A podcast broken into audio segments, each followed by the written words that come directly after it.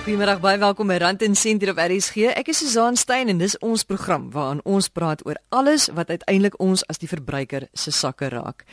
Ek wil net sê baie dankie vir al die eposse wat julle instuur met vrae en voorstelle. Hierdie is nou die laaste program van die jaar, maar volgende jaar gaan ons voort met Rand en Sent en dan gaan ons probeer om al julle vrae en julle voorstelle te bespreek.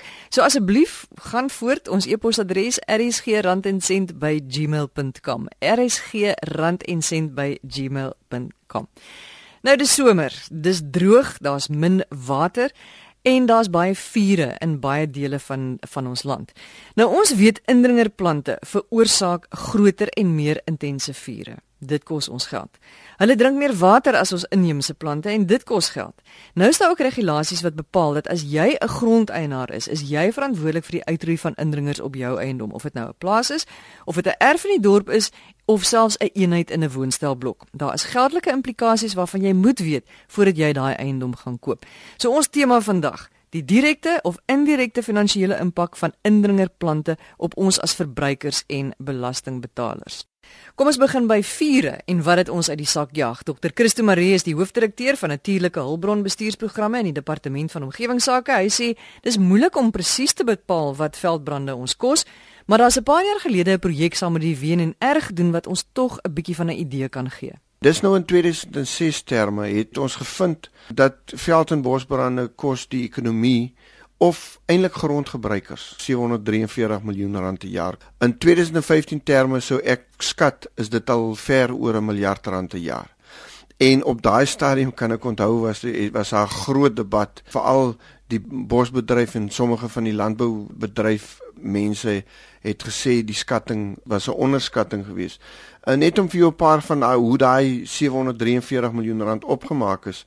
Dit sluit in veral die impak op bosbouplantasies alhoewel bosbou in die land is eintlik maar baie klein is net 1,2 miljoen hektaar kommersiële bosse in die land. Maar vier het 'n impak op kommersiële bosbou op daai stadium gehad van oor die 300 miljoen rand per jaar. Beweidings die verlies aan weidings het daai tyd het 155 miljoen rand verliese gehad. En dan die oes van produkte jy weet soos blomme en sulke tipe van dinge het hulle destyds geskat is so 5 miljoen rand En interessant genoeg, vure het ook 'n impak op ons elektrisiteitsvoorsiening. Op daai stadium is dit geskat dat vure 36 miljoen rand per jaar aan kragverliese het. En dan is die impak wat dit het, het op die verspreiding van indringerplante groei. Die skatting op daai stadium was 100 miljoen. Ons het te vermoede dis so 'n bietjie meer as dit, maar dit gee vir jou 'n oorhoofse idee van die omvang van veld en bosbrande in die land. Christus sê daar's 'n hele ketting van mense wat geraak word deur veldbrande. Landbouers is dikwels die mees voor die hand liggende. Ek het 'n kennis by Matatiel, die Kokstad vuur wat 2 jaar gelede daar plaasgevind het. Daai vuur het die oggend 11:00 op sy plaas aangekom, die middag 2:00 toe hy net 200 hektaar van 2600 hektaar. Nou, watter kostes het dit vir daai boer? Nou moet hy vee voer tot sy veld weer herstel het. Dis baie dieselfde impak as wat hierdie huidige droogte op vleispryse het. Jy weet die die vleispryse was nou vir 'n tydjie lank baie afgewees omdat boere hulle vee kuddes afverkoop het om die druk op hulle grond te verminder. Dieselfde gebeur eintlik met 'n vuur want die boer moet nou vee van sy grond afhaal om sy grond herstel eh, kans te gee en en dit het 'n impak op die gebruiker. Dan kom 'n mens nader aan die algemene publiek veral mense in informele nedersettings. So 'n paar jaar gelede het daar 'n hele paar huise in Kaap St Francis afgebrand wat miljoene rande se skade was. En die impak van daai en die tragedie van daai ding het het die voorblaaie van die koerante gemaak. En dan dink 'n mens daaraan, okay, maar daai mense het versekerings gehad, so hulle kan weer hulle huise vervang. En ten tweedens, meeste van hulle huise is eintlik hulle vakansiehuise. Hulle huis by die huis is nog heel, maar die finansiële impak daarvan. Maar as jy dit dan nou vergelyk met informele nedersettings en informele nedersettings is baie keer ek wil byna sê binne in die bos gebou. Nou sit daai mense met brandstof rondom hulle. Ek sou vermoed dat die meeste van informele nedersettings se vure begin binne in die huis, maar sommige van hulle begin ook van veldbrande. En as 'n informele nedersetting afbrand, dan verloor daai mense alles.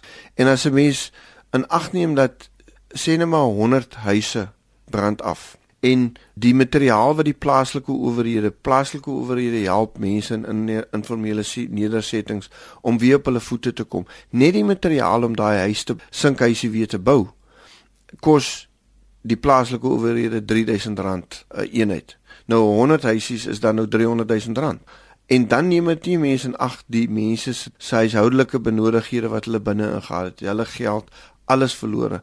So die koste vir arme mense van veldbrande is selfs nog meer as vir mense wat uit gegoede gebiede uitkom. Christus sê dis natuurlik nie net die persoonlike finansiële verliese wat mense ly nie, maar dit kos die belastingbetaler ook baie geld om hierdie vure te blus. Ons werk op vuurprogram het 'n jaarlikse begroting van meer as 500 miljoen rand per jaar. En daar's 5000 mense in die veld vir werk op vuur. Dit is uitgesluit die bydraes van plaaslike owerhede, boere self, uh, brandbeskermingsverenigings ensovoorts ensovoorts. Nou 500 miljoen 'n jaar en daai 5000 mense verlede jaar het ons byvoorbeeld oor die 3000 vure het hulle bygedra tot. As jy dit vergelyk met die totale aantal vure wat in die land brand nou, die vure wat werk op vuur verlede jaar byge, bygedra het, het 27% uitgemaak van die 5 miljoen hektaar wat gebrand het. Nou as jy nou sê, okay, daai 5 miljoen hektaar, 27% daarvan het vir ons 500 miljoen rand gekos. Dan moet jy mens nou gaan kyk wat is die totale kostes. Dan jy jy sal moet afleidings maak want dit is is feitelik onmoontlik om die totale koste daarvan te bepaal.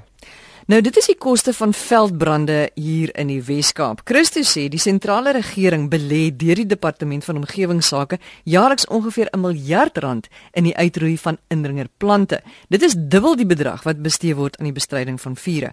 Maar wat is die verband tussen hierdie twee? Dit is bewys dat indringerplant spesies vure groter, vinniger en meer intens laat brand.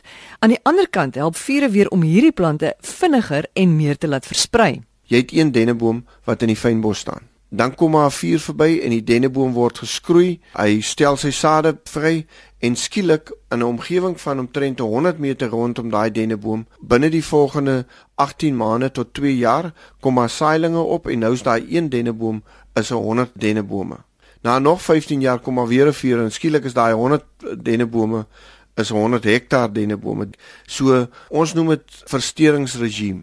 Die vuur versteur die omgewing. Dit stimuleer die dennebome in die in die Australiese akasiërs om hulle sade uit te strooi en jy het net meer daarvan. Dit is Dr. Christo Maree, die hoofdirekteur van natuurlike hulpbron bestuursprogramme in die departement van omgewingsake. Jy luister na Rand en Sent op RSG. Ek is Susan Stein. Ons saai uit 100 tot 104 FM. Ons praat vanmiddag oor die direkte en indirekte koste van indringerplante op die verbruiker se sak. Ons het nou gehoor wat die verhouding tussen vure en indringerplante is en wat dit ons kos. Nou nog 'n nadeel van hierdie plante is dat hulle soveel water drink. Dit sê Andre Roo, die programbestuurder vir volhoubare hulpbronbestuur in die Wes-Kaapse Departement van Landbou, is water wat gebruik kan word om onder meer landbouprojekte uit te brei. Ons het 'n beraming gemaak van die hoeveelheid uh bloekombome wat nou teen die bergrivier staan En en en as mens nou kyk nou die hoeveelheid water wat daai bloekombome gebruik. As jy daai bome almal sou uithaal en die water wat jy dan nou bespaar wat wat nou weer beskikbaar kom as gevolg daarvan, is dit die ekwivalent van 1500 hektaar vrugteverbouing. Met ander woorde, jy kan 30 plase van 50 hektaar elk skep met daardie water wat dan nou verlore gegaan het deur die, die uitheemse bome. En as jy nou mooi kyk, elke plaas kan hier in die orde van so 60 permanente en dan weer 60 tot 80 seisonale werkers in diens neem. So behalwe van die die ekonomiese voordele wat dit het, dra dit ook by tot werkskeping wat 'n baie groot behoefte in, in die hele land is. Nog 'n nadeel is die koste verbonde aan die skade wat hierdie plante aan die omgewing en infrastruktuur kan aanrig. Kyk, die bome, omdat hulle so dig groei op mekaar en op die oewers hulle hulle val omval binne in die water, verklein hulle die die die vloei area wat beskikbaar is as daar nou 'n vloed afkom met die gevolg is dat die, die rivier baie makliker oor sy walle spoel en dan nou skade aan infrastruktuur, huise en eiendom en lande en al daai tipe goed kan aanrig.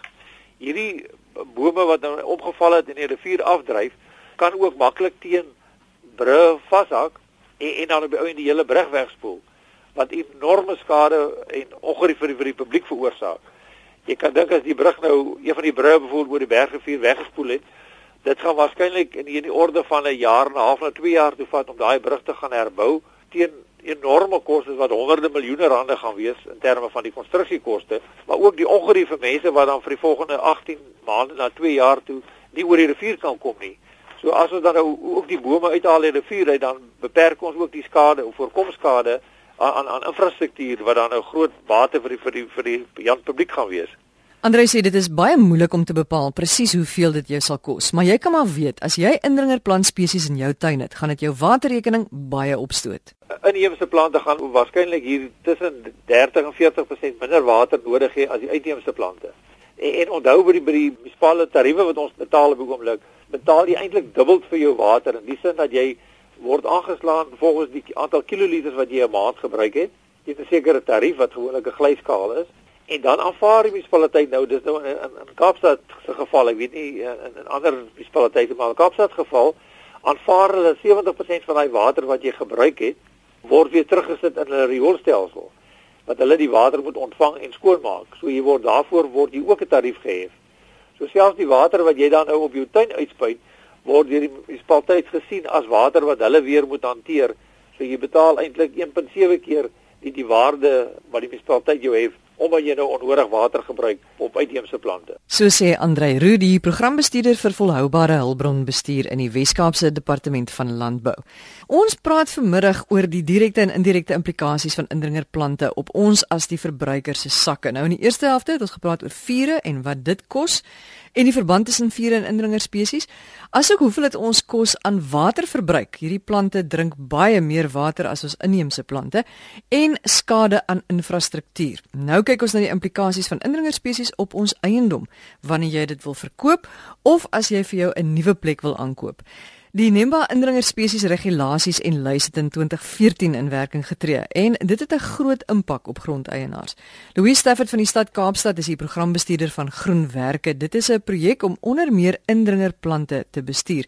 En Louis verduidelik wat die Nemba regulasies en lys behels. Die lys lys indringer spesies in vier kategorieë, 1A en B wat moet uitgeroei word. Kategorie 2, jy kan dit op jou grond hê, maar jy moet 'n permit daarvoor hê en kategorie 3 is vrygespreek onder sekere omstandighede. En as jy dan kyk na die regulasies wat invloed het op elke grondeienaar in die land, dit sluit in staatsgrond op al drie vlakke van die regering, munisipaal, provinsiaal en nasionaal en dan ook op privaat grondeienaars. Ook die regulasies gaan een stap verder en sê behalwe die feit dat jy moet die indringer spesies beheer op jou grond, moet uh, as as jy jou eiendom wil verkoop, dan moet die verkoper die koper in kennis stel dat daar wel indringer spesies op die grond is. Nou as ons dit prakties maak, dan as ek nou my grond wil verkoop en dan moet ek vir die voornemende koper sê ek het hierdie spesies op my grond en dan het die voornemende koper dan nou 'n opsie of drie opsies. Die persoon kan sê dis goed so, ek neem dit net so oor. Die ander opsie is om te sê maar maak dit eers skoon, dan neem ek dit oor. En die derde opsie is om te sê maar kom ons sak in die prys want dit gaan vir my geld kos om dit skoon te maak. Nou elkeen van daai besluite het ook 'n implikasie. Indien jy nou besluit dat jy dit net so sal oorneem, dan is die verkoper natuurlik die gelukkige persoon, want dan sal geen niks nodig om verder te doen nie, maar dan neem jy die aanspreeklikheid oor dat indien jy nou later uitvind dat jou produktiwiteit van jou grond verminder as gevolg van die indringerplante byvoorbeeld daarop of dat jou uh, dat 'n brandgevaar is of jy kry 'n direktief van die nasionale om, departement omgewingsake wat vir jou sê moet skoonmaak en jy wil dan nou skoonmaak en sien maar hierdie ding kos nou vir jou geld, dan kan jy nie omdraai na die verkoper en sê maar dit is hy dit vir my so verkoop nie. Jy moet dit so aanvaar maar dan aanvaar jy ook die aanspreeklikheid. In die tweede geval as jy nou vir die verkoper sê maak hy moet skoon maak, dan kan hy dalk besluit ek gaan 'n kort pad kies hier. So want as jy nou klaar besluit het om 'n eiendom te verkoop, dan wil jy nie nou nog sukkel nie. So nou besluit jy ek gaan 'n kort pad vat, ek gaan miskien nie chemikalieë aanwend nie en nou kom die voornemende koper en hy sien ek het dit skoon. Um, so hy neem dit oor. Maar hy weet nie hoe hy dit gedoen nie. 6 maande later dan kyk hy rond en sien maar die hele plek staan vol byvoorbeeld Port Jackson. Nou moet hy begin skoonmaak. So dit kos hom ook geld want normaalweg as jou eerste skoonmaak is dan die ding met die meeste kos. Maar as dit nie oordentlik gedoen is nie, gaan jou tweede en derde en vierde ook beïnvloed word. En jou laaste opsie is dan om vir die verkoper te sê maar sak met die prys en dan neem ek die verantwoordelikheid oor, maar jy weet nie hoeveel hy moet sak nie. Dit kan duisende of miljoene kos, afhangende nou van die spesies wat daar voorkom, hoe lank die spesies daar was en die digtheid, hoeveel daar op jou grond is.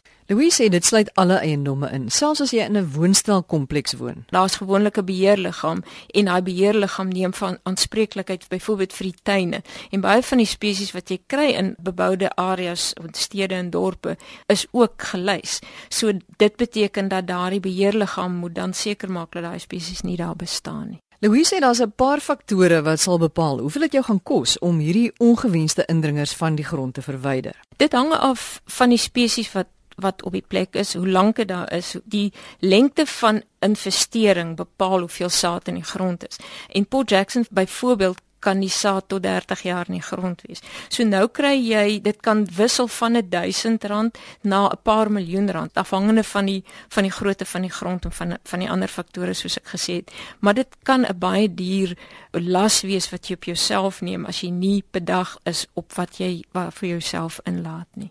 So wat staan 'n mens dan nou te doen as jy van plan is om binnekort iewers 'n nuwe erf of 'n stuk grond te gaan koop? As ek op die plek aankom, sal ek kyk of daar indring of ek sal weet of 'n indringer spesies is. So vir persoon wat nou onseker is wat wil raad hê, hulle kan aanklop by hulle naaste munisipaliteit of by die werk vir water of omgewingsbewaringskantore in hulle omgewing of hulle kan daar's 'n netwerk op hierdie stadium van uh spesialiste wat kan adviseer en ek sal nogal aanbeveel dat voordat iemand byvoorbeeld homself inlaat om 'n eiendom te koop, om liewerste 'n spesialis te raadpleeg en te sê, "Help my met 'n plan." Want daai mense kan die plante identifiseer wat op of die diere selfs wat op die grond is wat nie daar behoort te wees nie en dan vir hulle 'n idee te gee van want dit gaan oor die omvang en 'n paar ander faktore en dan vir hulle 'n idee te gee van hoeveel dit hulle moontlik mag kos. Want ek wil nie as ek nou vir my die eiendom koop, wil ek my huis bou en ek wil die plek so bietjie ontwikkel, maar dit gaan my meer kos aan indringer spesies as om die plek te ontwikkel.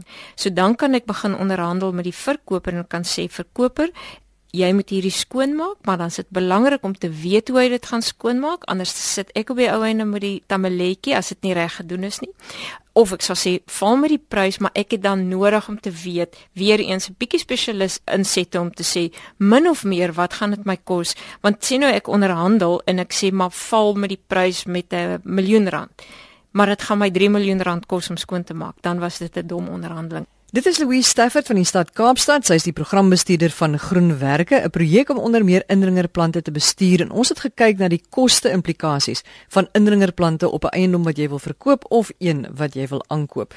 So indringerplante is beslis in baie opsigte vyand nommer 1. Daar is egter wel 'n bedryf wat baie afhanklik is van sommige indringerspesies, veral bloekombome. En sou al hierdie plante opeens verwyder moet word, kan hierdie bedryf baie maklik 'n groot knou kry. Dit sal ook 'n impak hê op die verbruiker se finansies. Vir baie boere is bloekoms baie belangrik want dit gee 'n bron van kos vir hulle korwe wat hulle aanhou en daar's reeds baie min byevoer in Suid-Afrika beskikbaar oor dit so droë land is. So plante soos bloekoms, al is hulle indringerplant, uh, verskaf 'n baie belangrike bron vir hierdie byeboere. En as daar minder byevoer beskikbaar is, sal daar minder korwe beskikbaar wees om ons gewasse wat insekbestuiving nodig is te bestuif. So sê Dr. Roan Veldman van die Suid-Afrikaanse Nasionale Biodiversiteitsinstituut. Volgens hom hang dit af van provinsie tot provinsie, maar sou alle bloekombome in die Wes-Kaap skielik verwyder moet word, sal 80% van byekorwe in die moeilikheid wees. As hierdie hele bron verwyder word, sal dit 'n groot impak vir byeboere hê en baie van hulle sal glad nie meer hulle boerdery aan die gang kan hou nie. Die gevolge hiervan is dan dat ehm um, daar minder korwe beskikbaar is vir die landbousektor om te huur en dan die wat beskikbaar is sal dan 'n hoër koste beloop om dit te huur vir die boer wat vrugte of eie saad boer.